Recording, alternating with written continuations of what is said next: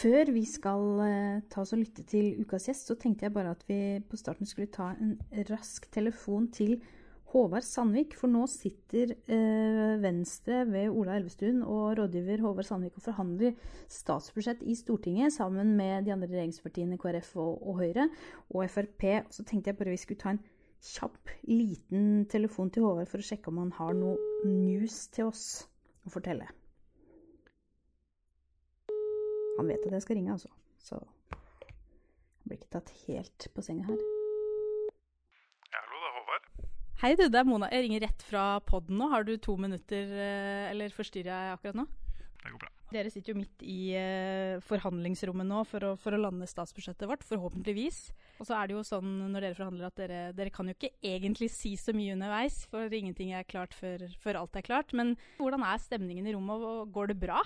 Det er egentlig en veldig god tone inne i rommet. Det tror jeg egentlig hadde overrasket uh, veldig mange av de som uh, bare følger med på overskriftene i avisene. Men vi har det ganske greit, egentlig. Vi overholder smittevern. Vi har en litt sånn annen forhandlingssituasjon denne gangen. Noen er med på gjennom Teams på bakromsmøtene. Vi har nedspriting av bord etter hvert eneste møte. Men tvisten er der, og det har den alltid vært.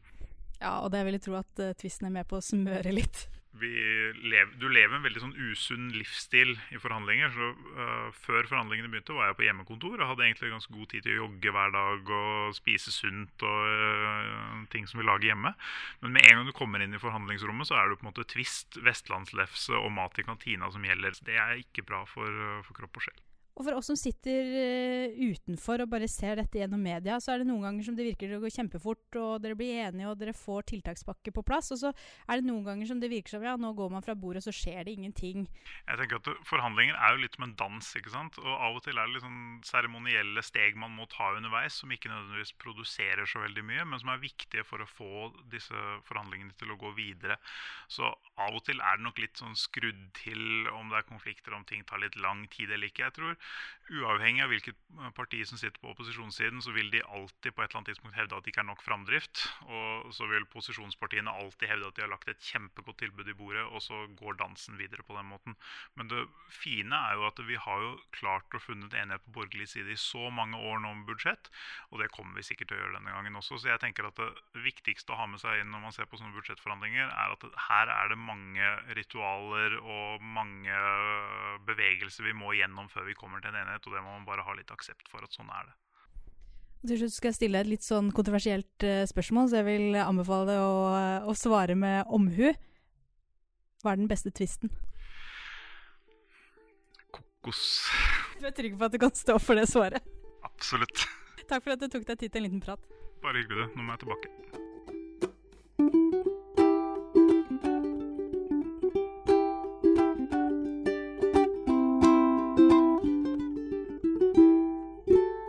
Velkommen tilbake til Fire nye år, Sofie Høgestøl. Tusen takk. Du er jo vår eh, sanne friend of the pod, som Ikke faktisk sant? har vært med flere ganger og tidligere snakka om uh, Venstres ti liberale prinsipper. Men i dag så så jeg inviterte her egentlig til å ta en liten debrief etter det amerikanske valget. For det, jo, det har jo vært eh, rimelig intenst. Selv har du vært TV-kommentator i et maraton av noen TV-sendinger. Så jeg var egentlig invitert, så jeg var litt usikker på hvem av oss som tenkte denne debrifen aller mest. har du i det hele tatt sovet de siste ukene? Jeg har snudd døgnet. og jeg, jeg, føler meg litt sånn slett. Altså, jeg sliter nå med å komme inn i en vanlig døgnrytme, så det er helt krise. Det har vært heftig? Det har vært veldig heftig. Det har vært, eh, det har vært som å være i en veldig rar boble. Jeg hadde jo egentlig tatt uken fri med hele USA-valget. Så trodde jeg at liksom, ja ja, så blir det USA-valg på tirsdag, og så sovet på onsdag. Og så kan jeg ha ordentlig fri på torsdag og fredag. Og sånn ble det, sånn ble det ikke. Sånn ble det ikke, for du skulle egentlig være med på denne ene, altså på valgnatta, gjennom natta, mm. og så skulle du sove ut. Mm. Uh, og så har vi egentlig sett deg på TV hele veien etter det, helt fram til Nytt på Nytt den helgen. Har det vært uh, overveldende? Det har vært veldig overveldende. Jeg, jeg, eh, jeg sa jo til deg på, på, Messenger at jeg skjønner ikke hvordan folk som Trine står i å være så synlig. det, det, har føltes veldig uvant. Men Du må jo fått utrolig mye tilbakemeldinger underveis òg, når man synes hver kveld for det norske folk? Ja, det, og det har liksom overraskende vært veldig veldig positivt. Men jeg har liksom prøvd å ikke se på tilbakemeldingene litt fordi at Um, jeg, liksom, jeg, prøver å være så til stede som mulig på det jeg gjør. da, hvis du liksom, Jeg føler at det, det er liksom å gå på line. Hvis du ser ned, så mm. faller du. Så hvis du begynner å liksom ta til deg ting utenfor boblen. Så, så, men jeg har, jeg har, en lang liste med folk jeg skal si takk for utrolig hyggelige tilbakemeldinger, og mange fra Venstre-medlemmer, så det har, det har virkelig betydd utrolig mye, da. Vi har jo alle vent oss til å se deg masse på TV som den største selvfølgelighet eh, forklarer oss eh, amerikansk politikk og, og, amerikanske valg. Men du kom jo litt sånn inn fra siden, og når var det du sjøl innså at du var blitt eh, USA-ekspert? Det var egentlig ikke tiltenkt. Altså, jeg har ikke bodd hjemme i Norge under et amerikansk presidentvalg ja, siden 2004, før jeg bodde hjemme i, under, under første valget til Trump i 2016. Så jeg var jo veldig satt ut av hvor mye oppmerksomhet jeg fikk.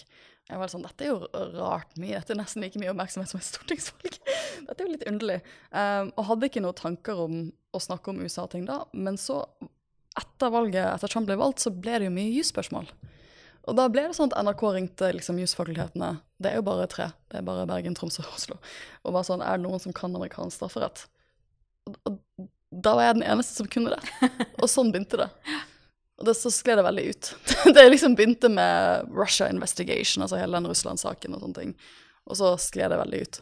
Ja, for nå snakker vi ikke bare amerikansk strafferett. Nå snakker vi alt! Men hvordan forbereder du deg til, til, dette når det er så variert som det er blitt nå? Mm, jeg forbereder meg ganske godt hver gang jeg, jeg, har liksom en tanke om hva som temaene skal være. Um, og før, altså Jeg føler at jeg forbereder meg til valgsendingen som om det skulle vært muntlig eksamen. Du vet ikke helt hva temaene blir. Du vet ikke helt hva som skjer på kvelden, men du har en anelse om hva du kan komme opp i. Og så er det da viktig å lage notater til de forskjellige scenarioene. Så jeg hadde liksom tre-fire notatsett med forskjellige temaer. Sånn en var senatvalget, som jeg er veldig bitter over, for jeg fikk nesten ikke brukt det arket. Det er masse, Jeg har liksom notert ned alle de navnene på alle de som stilte, og litt om hvert av de spennende senatvalgene. Men det kommer jo knapt innom. Eh, og så hadde jeg liksom en liste med tolv nøkkelstater. Og så hadde jeg en eget ark med sånn, hva jeg tenkte kunne være veien for de to kandidatene til å vinne presidentvalget. Altså hvilken stater, hvilken kombinasjon med stater de begge måtte vinne. Sånn at jeg kunne snakke om det i løpet av kvelden for å prøve å sette en kontekst. Å ja, hvorfor er det så viktig at Trump har vunnet Florida? Jo, for han kan ikke vinne valget uten å vinne Florida. Så for å kunne sette på en del sånne ting. Så, og så har jeg alle de andre notatene fra andre ganger jeg har vært på og snakket om andre ting. På iPaden min. Men det var jo uh det var jo et veldig spesielt valg. Det var kanskje mange av notatene du måtte forkaste underveis. Og liksom, hvis vi hopper tilbake til, til, valgnatten og de dagene rett etterpå, altså, hvordan var dette mulig? det var veldig bittert. For litt, det, ironien var at de to statene som telte opp sist, som var, hadde siste valg av stat, uh, var Arizona og North Carolina. Og de hadde jo skrytt på forhånd at de kom til å ha tidlig valg av stat tidlig på valgkvelden. Det hadde de ikke. uh, hadde de bare hatt det. Um, nei, altså vi, det, det, var jo bare et veldig spesielt valg, for du så også på valgkvelden hvor tydelige forskjeller det var vel, mellom valgresultatene var forhåndsstemmene, som var veldig blå, altså var i stor grad for Joe Biden, og når man begynte å telle opp valgdagsstemmene, og de var veldig røde. Sånn som Joe Biden, for de av dere som ikke satt opp, han ledet Texas en periode. For Texas begynte med å telle forhåndsstemmene, og de var ganske blå. Så han ledet Texas. Når Texas begynte å la levere utover kvelden, levere inn eh, opptellingene fra valgdagsstemmene, så ble staten rød igjen. Så det var, sånn, det var den dynamikken der. altså Du visste liksom ikke hvilke resultater ser vi nå. Er det ting som er forhåndsstemmer? Er det ikke? For det hadde veldig veldig mye å si. Så det var bare et veldig rart valgresultat å analysere. Vanligvis så har du jo folk som kan si at å, den lille byen i Texas der, de stemmer sånn og sånn vanligvis, og så stemmer den byen der. Men det var vanskelig å gjøre sånne type analyser når velgermønstrene var så forskjellige når så mange folk hadde forhåndsstemt, og, og så hadde så mange Trump-tilhengere valgt å stemme på valgdagen, for det er jo det han har sagt de burde gjøre, så de gjorde jo det. Men det, det gjorde de dagene der bare veldig sånn ulne, for det Jeg tror at Jeg fikk jo masse spørsmål hvorfor har ikke NRK erklært Biden som vinner, for det gjorde jo TV 2 på fredag. Og det er litt fordi TV 2 har noe veldig kult, som er at de, de har sine egne tallknusere og de har sitt eget tallsystem. Vi brukte tallsystemet til Associated Press i NRK, så vi ventet jo til at Associated Press skulle kalle en start før vi gjorde det. Mm. Men jeg tror grunnen til at amerikanske nettverkene ikke var like fort ute som TV 2, det var fordi at jeg tror at de, var, de ville være 100% sikre på at når de, når de uh, annonserte vinnerne av de siste statene, at det ikke var noe de må, ville måtte gå tilbake på. For det ville jo være vinnerne av valget. Og jeg tror, jeg tror, jeg tror nok jeg opplevde iallfall at det var nok en stor spenning blant, med de som jobbet med dette, om at hvis man tar feil nå, eller gjør noe feil, og allerede, man allerede har en presidentkandidat som har sådd så mye tvil om valgresultatet, så vil det være drepende for tilliten til valgresultatet. Uh, og derfor ble, var det ikke før lørdag. Jeg tror at hadde det vært andre kandidater, så hadde man kanskje erklært det på torsdag og fredag. Men det, var, det, det, er det ikke. Og Trump tweetet jo klokken tre i kveld, uh, i dag tidlig uh, på mandag I won. Fortsatt der. Vi fortsatt der. Mm. Ja. Så det, vi får jo se hvor lenge det varer, og hvordan dette holdes, hvordan dette holdes gående. Men uh, Hillary vant jo på en måte det amerikanske valget sist. Hun hadde flest stemmer. Nok en gang så har Biden åpenbart flest stemmer. Men så er det valgmenn, og så er det et system som er litt hit og litt dit å forstå. Hvorfor, hvordan har det blitt bygget opp på denne måten? Det, det, er jo lange historiske grunner til dette, som med alle valgordninger. Og så er det jo slik at det å endre den amerikanske valgordningen, som i Norge, krever grunnlovsendringer. Og for å gjøre det altså det, det er jo litt komplisert i Norge, mm -hmm. men i USA er det superkomplisert. For da må så og så mange av statene gå god for grunnlovsendringen før Senatet kan stemme over det. Og det tar ofte flere år. Eh, og det å skulle få til en grunnlovsendring Det som har skjedd over tid, det er jo at særlig sånn som ting er nå Altså Begge partiene, altså Demokratiske partiet og Republikanske partiet, har på forskjellige tidspunkt i nyere historie vært for å endre valgsystemet, eller oppheve valgmennssystemet eller lage noe annet. Men de har ikke villet det samtidig. Og akkurat nå så er det veldig tydelig hvilket parti som tjener på valgmennssystemet, og det er det republikanske partiet. Eh, for hvis det skulle vært slik at det skulle vært den som får flest stemmer, som vinner amerikanske valg, så ville nok demokratene vunnet alle valg. Sånn som ting er nå. Og det handler litt om at det er de som styrer de store, de største statene, folkerike statene som Florida og New York. Nei, ikke Florida, beklager. Som um, California og New York. En av grunnene til at Bidens sånn forsprang i, i uh, valgresultat eller antall stemmer øker disse dagene nå, er at det tar veldig lang tid å stelle opp California, for det er 44 millioner mennesker som bor der. Så det er et stort valgresultat. Så du vet at han, der kommer han til å Der vinner han 60% av stemmene, ikke sant. Mm. 60-70 av stemmene. Det er store forskjeller fra det, fra det som Og det samme i New York. New York. Det er to store folkerike stater. Og republikanernes stater er ikke så folkerike. De er store landareal, men de er ikke som Kentucky, men de er ikke folkerike. Mm. Uh, og valgordningen i USA med valgmenn favoriserer bitte litt da landstore stater. Så det er sånn type Det er sånn type arealtillegg på steroider. E, egentlig, da. Um, og det ser du veldig tydelig at liksom, som du sier, nasjonalt så er ikke dette løpet jevnt. Biden vunnet med flere millioner stemmer. Men i disse nøkkelstatene som avgjør valget, egentlig, så er det, så det jevnere enn det man skulle tro. Vi fikk en valgthriller av en annen verden, hvor det har vært så tett, det har vært så uklart. Er, altså, som du sier, De har venta med å calle det. De har vært usikre på om de tør å calle det, fordi det har vært såpass jevnt. Og jeg ville tro at altså, demokratene hadde sett for seg litt større mulighet til å få et brakvalg og få liksom muligheten til at Nå har vi fått mandat til å sette en ny retning de mm. neste fire åra. Det har de ikke fått. Hva, hvilke scenarioer kan vi se for oss at dette vil få av konsekvenser de neste fire åra? Jeg tror at det som skjedde her, er at nok at mange demokrater og kommentatorer ble veldig tent av hvor høy valgdeltakelsen så til å være uken før valget, for så mange folk hadde forhåndsstemt. Og man har alltid tenkt at hvis det er mange som forhåndsstemmer, så høy valgdeltakelse, så det, favoriserer det demokratene. Og så var jo meningsmålingene for Biden i en del stater utrolig gode eh, en uke før valget. Eh, og så har nok noen av statene ikke vært treffsikre med tanke på meningsmålinger. Som Michigan og Wisconsin, så kanskje selv i Wisconsin så ledet jo Biden med sånn 7 prosentpoeng på mange av meningsmålingene. Det var ikke det, var ikke det valgresultatet vi fikk mm. på bakken. Uh, mens andre stater traff kanskje litt bedre. Men, uh, og Florida vant jo Trump med 3% Det var heller ikke sånn prognosen så ut. Um, så jeg tror at mange demokrater tenkte at nå kan vi få landslide. Og jeg tror mange hadde knyttet et stort håp til at Florida skulle gå for Biden. Mm. For hadde det skjedd da, i to-tre-tiden, så hadde ikke Trump kunnet vinne valget.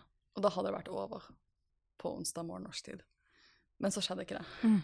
og så kom ikke en del av de og hadde Arizona, som da hadde liksom Arizona Jeg har jo gått rundt i flere uker og sagt Arizona har gjort det alle stater burde gjøre.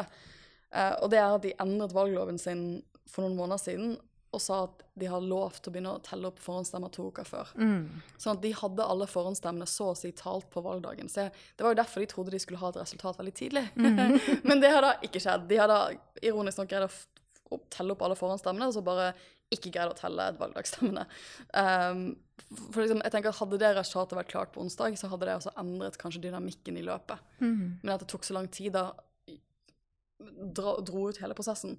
Um, og med tanke på mandat så er jo USA veldig splittet i den forstand at republikanerne har gjort et veldig godt valg i Underhuset i Representantenes hus, hvor de har ikke tatt igjen noen seter. De har ikke helt tettet gapet, det er fortsatt uh, flertall for demokratene, men de har tatt tilbake noen seter som de tapte for to år siden. Det er de veldig fornøyd med. Mm. Uh, de har også antageligvis greid å klore seg fast i Senatet. Det blir helt avgjørende, for det er jo maktfordeling i USA. De har ikke parlamentarisme som vi har. Så hvis en president ønsker å få vedtatt et budsjett, så går jo det gjennom Kongressen. Det er jo ikke noe han gjør selv.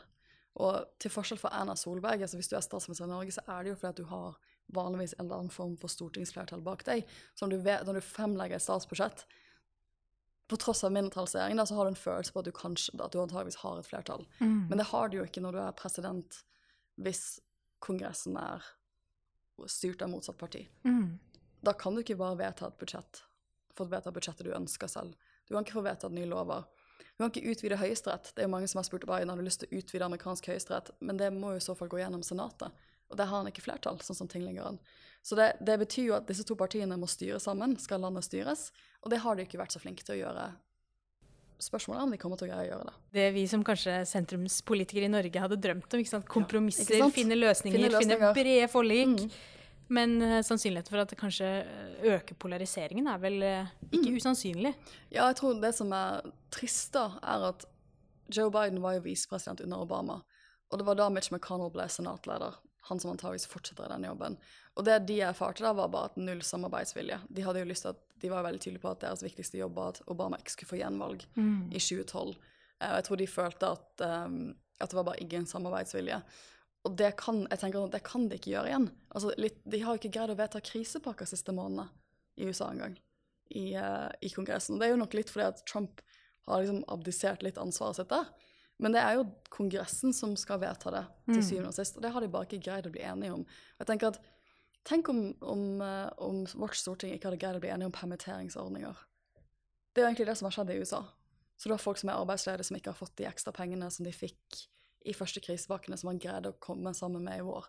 Det har man ikke greid i høst. Det har stor, mye å si for folks liv. Mm. Og jo, da, da, har du jo ikke et politisk system som funker, når de ikke engang kan komme med krisepakker, mener jeg, da, i en, i en, pandemi, i en så stor nasjonal krise som USA er i nå. Så det, det, det ja, jeg, jeg, jeg, håper at de kan legge til side forskjellene sine og gjøre det vi liker, liker å gjøre, som er kompromiss, brede forlik, jobbe fra sentrum. Men jeg, har ikke, jeg, er, jeg er skeptisk. Vi må snakke om Camilla Harris. For uh, en ting er at dette har vært et dramatisk valg, men vi hører jo fremdeles lyden av et glasstak som er mm. knust, mm. og som fremdeles singler nedover. Mm. Det er jo helt nydelig. Det er helt nydelig, og det som er litt morsomt, var at jeg, jeg tror at man mast litt uh, synet på den historikken siste ukene i valgkampen. For valgkampen har jo selvfølgelig dreid seg om mye annet. Mye om Trump, og mye om pandemien, mye om Joe Biden er senil. Det, det har vært liksom mye annet, da. Og så følte jeg at når resultatet begynte å bli klart på fredag-lørdag, så så begynte det å demme for folk at oi, dette er historisk. Det var ironisk. Jeg satt og streamet Fox News sin valgsending en del, bare for å høre hva andre siden, eller hva som ofte er andre siden sier. da. Eh, og de hadde en veldig god valgsending. Ehm, men da jeg satt og streamet den på fredagen, da vi hadde nok en sending hvor vi ikke hadde et valgresultat, mm så, så, snakket de, så begynte de å snakke om Karma Harris, men da jeg streamet på lørdagen, da vi gjorde, da vi gjorde endelig sånn Nå har vi et valgresultat! Det skal bli tale med Joe Biden! Og vi holdt på til eh, Joe Biden og Kamala Harris snakket klokken to, så vi, liksom, gjorde sending helt til da. Uh, da satt jeg og så på Fox News, og hun, hun, kvinnen som var en av vertene, eller ledet sendingen da, hun sa at uh, mm. hun ble emosjonell, rett og slett. Uh, hun var sånn Dette er viktig for mine døtre. Og det det, da tror jeg det liksom gikk opp for en del folk at oi, har vi, vi, har mistet litt synet på mm. det historiske med det, dette valget her, med i form av Karma Harris. Men jeg tror det virkelig Og det var veldig symboltungt, følte jeg, at det var Karma Harris som talte først klokken to. Det var hun som åpnet ballet i en sånn hvit dra, eh, drakt som mange sier var et eh, nikk til eh, kvinnebevegelsen i USA, som fikk plass eh, stemmerett for kvinner. Eh, de gikk også med hvite dresser. Um, at hun fikk tale først, og at hun brukte jo sin tale på å snakke om det historiske. Og det var Jeg tenkte at mitt Det første valget jeg husker, det er valget i, i Norge, da. Det var valget mellom eh, Kasi Kullmann Fife og Gro Harlem Brundtland. eh, det liksom, Jeg husker jeg ble med mamma på skolen min når hun stemte, og at mamma sa sånn I min familie stemmer vi på Gro. Men jeg tror din far kommer til å stemme på Kasik, og det er helt ok. For pappa kommer fra en høyere familie, og mamma kommer fra en eh, ganske ihuga Arbeiderpartifamilie. Men det er liksom det første valget jeg husker. Så det, det er tanken på at kvinner ikke skal stille til valg, eller ha store, mektige posisjoner. Det, altså, det, det er fordummende for meg. Eh, og særlig nå når vi har hatt en regjering i ja, snart åtte år som har vært så kvinnedominerte. Hvor du har til tider hatt fire kvinner, eller tre-fire, altså liksom, som har har ledet koalisjonen sammen. Du, har hatt, eh, ja, du hadde jo, når Bollestad var, uh, var partileder, fungerende partileder, så hadde du jo fire kvinnelige partiledere en periode som ledet regjeringen. Uh, alle er veldig forskjellige. Mens i USA så er det jo slik at på toppolitisk nivå så er det jo knapt 20% kvinner i Kongressen. Det er veldig vanskelig å forstå, tror jeg, hvor, bare, hvor mangelfullt det er på kvinnelige forbilder. Og det du har hatt, er jo ofte, altså, det er ofte førstedamen. Det er ikke helt det samme Det er jo ikke helt det samme forbildet, da. Ikke det at eh, man har hatt mange fine førstedamer, men det, de er jo der fordi at de er inngifte. Og de jobber jo ikke. Det blir jo det kule med Jill Biden, eh, hvis hun, nå, nå som hun blir førstedame, er at hun er, blir den første som har sagt hun skal jobbe utenfor uh, Det hvite hus. Men så Kamala Harris, det er jo stort, og jeg, jeg, det betydde mye for mange av mine venninner i USA. Eh, og plutselig skulle, ha, skulle føles at endelig blir man styrt fra toppen av også av en kvinne. Um, men det var jo det, det var kanskje mest rørende det hun sa i talen, var at jeg er den første, men jeg er ikke den siste. Og så så du liksom alle disse jentene som sto der, og så, noen mange av de gråt. Og da var jeg sånn dette, dette er historisk. Dette er rett og slett veldig historisk. Um, hun får jo en enestående mulighet til å styre og til å vise, til å vise seg frem de, de, de neste to årene. To, to til fire årene. Uh, før hun kanskje vurderer om hun skal stille selv om to år til, eh, til å bli presidentkandidat. Og det, det var jo det kule med Mange var jo veldig lei seg når Hillary Clinton tapte. Men jeg synes det, det kule det var at det var jo mange kvinner som stilte som presidentkandidat for Demokratene. Og man snakket nesten ikke om det. For det var blitt normalisert. Det tar jo så kort tid. Når sånne ting først blir normalt, så tar det så kort tid. Og de, det var forskjellige typer kvinner, og det var sånn mangfold politisk. Alt fra Elizabeth Warren til Amy Klobuchar. De er veldig politiske, to politiske, altså forskjellige politiske profiler. Til Kamala Harris. Um, til Kirsten Gillibrand fra New York. Så du har liksom et bukett da, med kvinnelige talenter som prøvde å bli presidentkandidaten. Og, og jeg tenker det, det vil jo ikke være mindre av det om, hvis ikke Joe Biden stiller til gjenvalg, da. Eh, og det blir, for det, det er det eneste deprimerende jeg merker nå. Dette er jo, hvis, hvis dette nå blir avgjort, dette er jo avgjort egentlig, men altså, jeg antar at alle disse søksmålene vil bli avvist i løpet av uken, så er det avgjort avgjort at Joe Biden blir presidentkandidat, så er jo det egentlig startskuddet for at begge partiene skal finne nye presidentkandidater til 2024-valget. for da, da, da vil jo, Du ser jo allerede i det republikanske partiet at folk posisjonerer seg nå for 2024. Samtidig så har jo Trump signalisert kanskje han skal stille selv. Så. Time will show. Time will show. Men er dette også et signal på at, eh, at vi kan forvente at det kommer til å bli en mer mangfoldig regjering eh, som han setter sammen, enn det Jeg tror nok han vil ha mye press på det. Eh, også for jeg tror ganske mange svarte velgere er veldig tydelige på at han hadde ikke blitt demokratenes presidentkandidat hadde det ikke vært for, uh, uh, for den støtten, den sånn veldig stabile, utrolig viktig støtten han har hatt fra, fra black, uh, African American uh, demokratiske grupper, som, som støttet han når det så ut som han holdt på å tape primærvalget. De to ukene det virkelig så ut som han var helt ute. Um, så jeg tror han føler Han har jo sagt det selv, at han hadde ikke vært der. Er, at dette hadde ikke gått. Og du ser også det i stemmetallene at hadde det vært opp til hvite menn, så hadde Donald Trump vunnet gjenvalg. Det er jo kvinner og minoritetsgrupper som har sikret dette valgresultatet for demokratene. Og jeg antar at de vil da føle at de skal være representert. Men det store jokeren er jo at alle utnevnelser av, av ja, ministersposter skal gjennom Senatet. Det er, jo liksom, det er jo sett på som litt dårlig stil å blokkere. Hvis det er andre partier som styrer, så er det sett på som litt dårlig stil å blokkere for sånn kabin, altså liksom ministerutnevnelser. Men det, vi ser jo hvor surt arbeidsklimaet har vært. Vi kan ikke helt Altså Det er mye snakk om at Bernie Sanders for, for, ønsker seg en stilling nå. Ja, det kommer ikke til å slutte å være spennende, dette her. Nei. Uh, når jeg annonserte at, at du skulle være med her i, i podden i dag, så fikk jeg inn en hel haug med spørsmål. Og jeg tror ikke vi rekker å gå gjennom alle, men uh, jeg vil gjerne utfordre deg på liksom, ti litt kjappe spørsmål om amerikansk politikk. Uh, og jeg tror vi bare starter klokka på det, egentlig. Hvilke forhåpninger slash forventninger har du til Biden-Harris? De har jo rett og slett sagt at de har lyst til å forsone landet. Det, det er stort. Mm. Og, men jeg tenker det er helt avgjørende for USA at noen greier å forsone landet, så splitter det som de gjør. Så det blir spennende å se om de leverer på. Hva vil du berømme Trump for? Uh, dommere. Uh, altså, det er nok mange som er misfornøyd med det også, men jeg tror at eh, det han virkelig har gitt valuta for til sine velgere, er at han sa han skulle utnevne gode konservative dommere. Han har utnevnt flere enn noen andre. Og tre høyesterettsdommere. Tror du Trump stiller i 2024? Jeg tror han snakker om det. Får vi se. Ja. det var et nyansert svar. Kan Trump eh, bruke de innsamla midlene han nå har samla inn, fritt? Hvis det f.eks. blir et veldig stort overskudd av midlene som han nå samler inn for å gå til søksmål, kan han da bruke det til å betale ned gjelda si etterpå?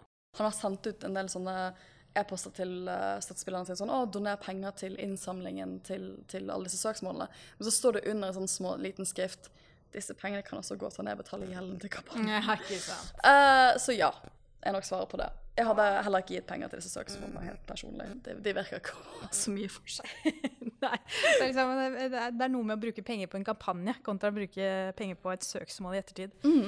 Eh, hva er din amerikanske favorittvalgkamp gjennom tidene? Åh, det må vel for, eller, jeg, jeg husker ikke noen, altså, så mange andre, men jeg husker vel bare de fra 2000. Men uh, 2008 litt fordi at det var jo noe særegent å se Obama bare skjære igjennom og vinne dem. Altså, jeg trodde jo Jeg var i, jeg var, jeg var i eh, Florida i fem uker om sommeren 2007, da det var primærvalget var i gang.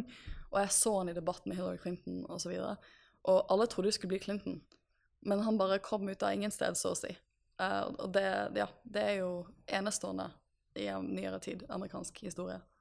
Tror du at uh, Trump nederlag vil kunne påvirke den politiske retorikken til andre populister og politiske ledere som, som nettopp spiller på ulikheter og forskjeller og konflikt, sånn som han har gjort? Jeg tror at kanskje problemet med dette valgresultatet er at du kan lese inn i det, det du vil. Jeg tror nok mange tilhengere av Trump leser inn i valgresultatet at det var veldig jevnt. Eh, han gjorde det veldig bra, og at, eh, at hadde det ikke vært for koronapandemien, så hadde han vunnet valget. Eh, og da, hvis du er en populist som tenker at dette er kanskje det, Jeg tror det er lett å bortforklare ved at dette var et ekstraordinært pandemivalg, og han var bare veldig uheldig. Hadde det ikke skjedd, og økonom, økonomien hadde vært god, så hadde han selvfølgelig blitt gjenvalgt. Så jeg tror, at det, jeg tror du kan lese inn i dette det du vil, da. At folk har egentlig likt den retorikken hans. Det var bare pga. Liksom, den lille covid-tingen at han ikke ble gjenvalgt. Eh, hvis et av søksmålene til Trump havner helt i Høyesterett, tror du at de vil ta Trump sitt parti da? Nei. eh, eh, nå har vi ikke hørt Eller hun nye, nyeste høyesterettsdommeren, Amy Conning Barrett, har jo ikke avsagt dommeren ennå, så vi, vet, vi har ikke en følelse for hvem hun blir på domstolen.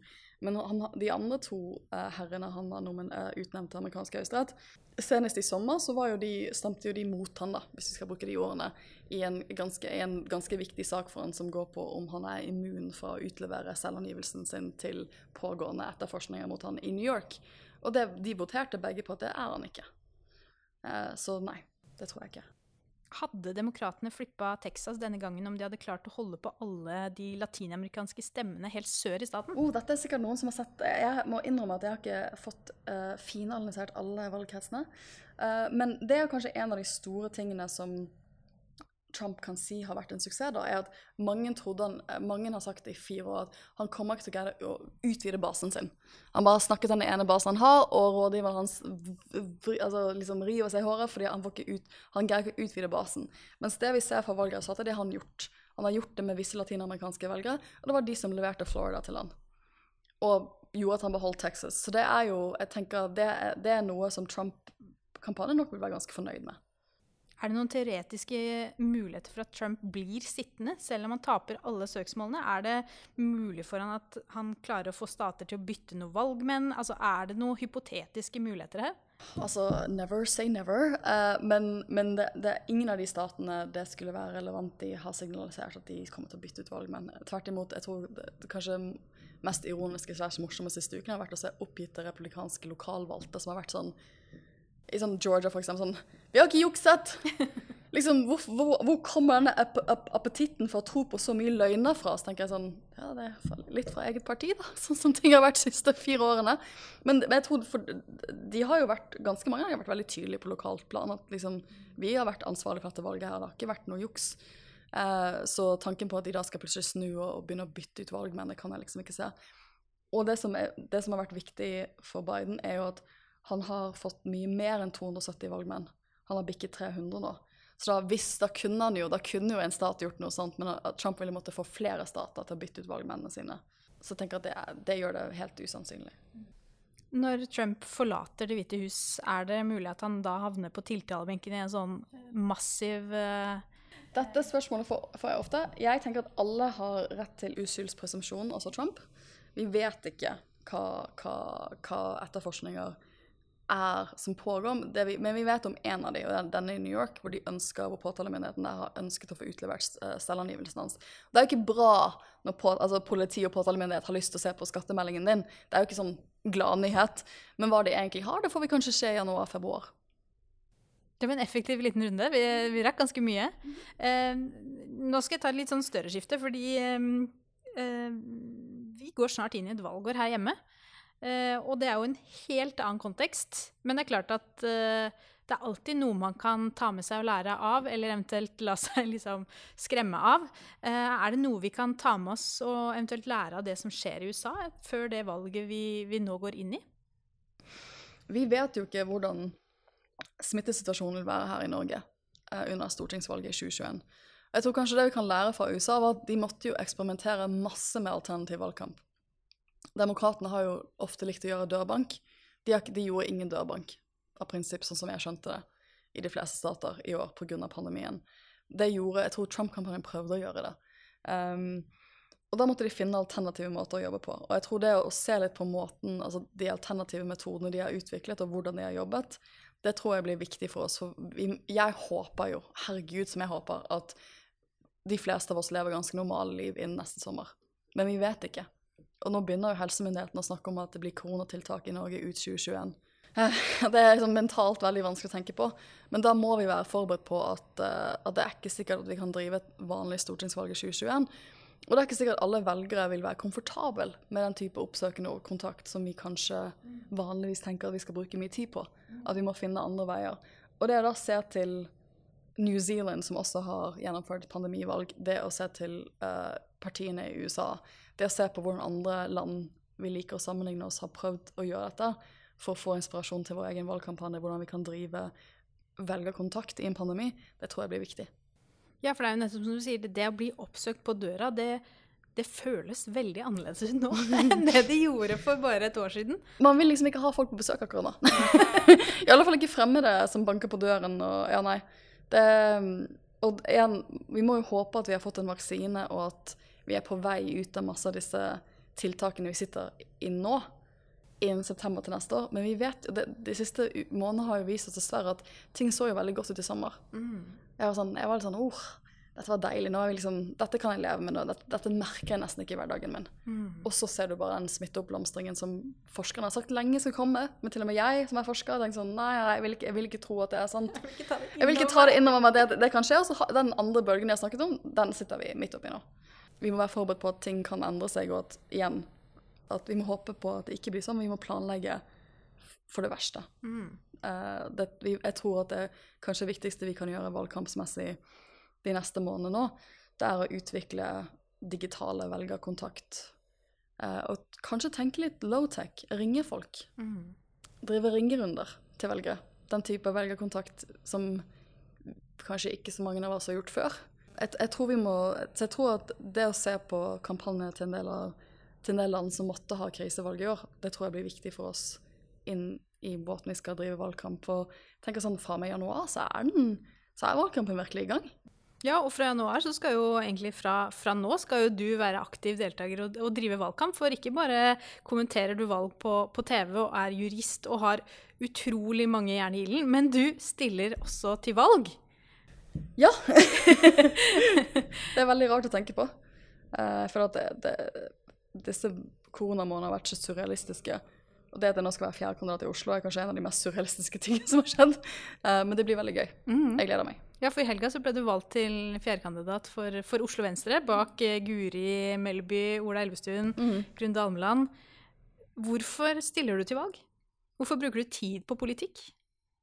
For det at Altså, jeg forsker på sånn krig og fred og sånne ting. og sånn krigsforbrytelser og folkemord og forbrytelser mot menneskeheten. Uh, og jeg tror hvis du driver mye med den type forskning, så, veldig, så blir du veldig opptatt av hvor heldig du er som bor i et demokrati og kan delta i det demokratiet ditt.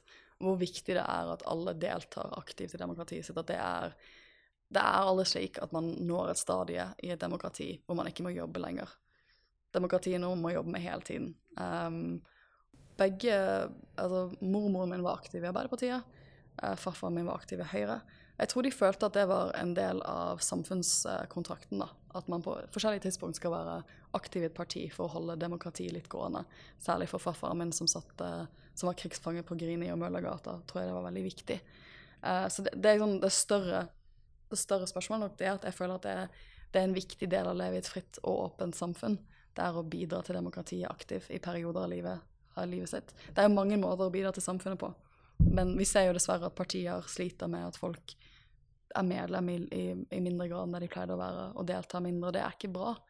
Uh, vi trenger at folk deltar i demokratiet vårt for å holde det like sterkt som det det er. Uh, og kanskje hvorfor nå?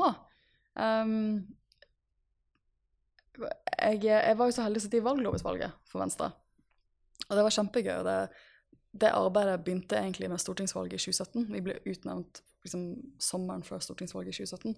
Og så begynte vi egentlig uken til valget. For det første vi gjorde som utvalg, det var å observere stortingsvalget i 2017. Eh, som var veldig, veldig gøy. Og så begynte vi arbeidet vårt, og så leverte vi NOU-en vår i mai. Eh, og det var litt den følelsen av at eh, jeg jobbet i tre år iherdig for å få meg et flertall på 16-årig stemmerett i lokalvalg. Og den, det var en altså, enormt stor følelse å kunne stå der og si at det hadde vi fått til. At det var et flertall i uh, utvalget for 16-års stemmerett i lokalvalg. Men det var også den følelsen av at når vi ga over NOU-en til ministeren, så var egentlig vår rolle ferdig. Min rolle i dette er ferdig nå. Uh, nå. Nå ligger det jo i Stortingets hender i neste stortingsperiode å skulle følge det arbeidet opp. Og da følte jeg litt på Og når jeg da ble spurt om jeg kunne tenke meg å være kandidat, noen uker senere. For det var bare det var, Dette skjedde ca. samtidig. Så tenkte jeg sånn Jeg har jo veldig lyst til å følge opp det arbeidet. liksom, det jo, altså, Har jeg lyst til å gjøre noe med det, så må jeg, så må jeg være en del av, av stortingslaget til Venstre på en eller annen måte. Så, som vara eller, eller, på listen. Da kjente jeg litt på det. At OK. Og så jeg, jeg tror det er litt sånn stereotypisk, men som ganske mange andre kvinner, så var det viktig Altså, jeg valgte å stille litt fordi jeg ble spurt. Jeg hadde folk som sa at det hadde vært fint. Jeg hadde ikke Hodet mitt var helt andre steder i mai, når fristen for å, å bli foreslått som kandidat i Oslo gikk ut. Um, så noen spurte meg første gang, så var jeg sånn Å ja, det har jeg helt glemt. Jeg er usikker på om noen har foreslått meg. Så var det sånn Jeg tror jeg har blitt foreslått. Og kunne du tenke deg å, å virkelig å stille høyt? Og da måtte jeg ta noen runder på det, selvfølgelig. Men så tenkte jeg OK. Så for meg var det viktig å egentlig bli oppfordret til å stille. Det er utrolig viktig å ha med seg. At det, eh, betydningen av det, at vi faktisk ikke glemmer det, det lille spørsmålet. Det gjelder jo egentlig veldig mange som eh, blir medlem, også av mm. politiske partier, som spør hvorfor ble du ikke medlem før. Nei, det er ingen som har spurt. Mm. Fordi nettopp man har hodet andre steder og tenker på mye annet. Mm. Du nevnte at, uh, at, du har hatt familie både uh, fra Arbeiderpartisiden og fra høyresiden. I dag sitter du i Møllergata på Venstres hus. Hvorfor landa du selv på Venstre? Oh, det er ganske enkelt. Jeg leste Jeg gikk på videregående med Håkon Rikeles, eh, som også er åttende kandidat nå, så det, det, er veldig morsomt. Og på Berg videregående skole i 2002. Og da leste vi to partiprogrammene, og så valgte vi altså, var Venstre partiet jeg var mest enig med. Mm. Og sånn er det fortsatt i dag. Liksom, man, være, man, finner jo alle et perfekt parti, men sånn politisk tilhørighet så har alltid vært Venstre som har truffet meg som politisk parti. Men det var egentlig det. Mm. Å liksom sette seg inn i de forskjellige partiene. Og jeg er jo altså eh, Jeg tror særlig for mamma sin familie som sånn ihugga Arbeiderpartiet, altså folkevalgte for Arbeiderpartiet, de syns det er litt rart. Men eh, de har veldig respekt for at, eh, for at, for at det er det jeg lander på. Hvis du skulle gitt ett råd til noen som stiller til valg for Venstre for aller første gang, sånn som du jo ja. selv gjør altså, altså, Jeg vil gjerne motta alle råd. Egentlig å spørre om hjelp, for det er det jeg har store planer om å gjøre selv. Jeg er veldig lettet over at jeg uh, er så heldig at jeg skal Jeg uh, har uh, Guri, Ola og Grunde som har gjort dette før, og lener meg på i Oslo. For det føles jo litt overveldende. Og det var liksom det jeg tenkte litt på i helgen også, at, at vær ydmyk nok til å spørre om hjelp. For det er jo skummelt. Jeg syns dette er skummelt. Dette blir en ny rolle for meg.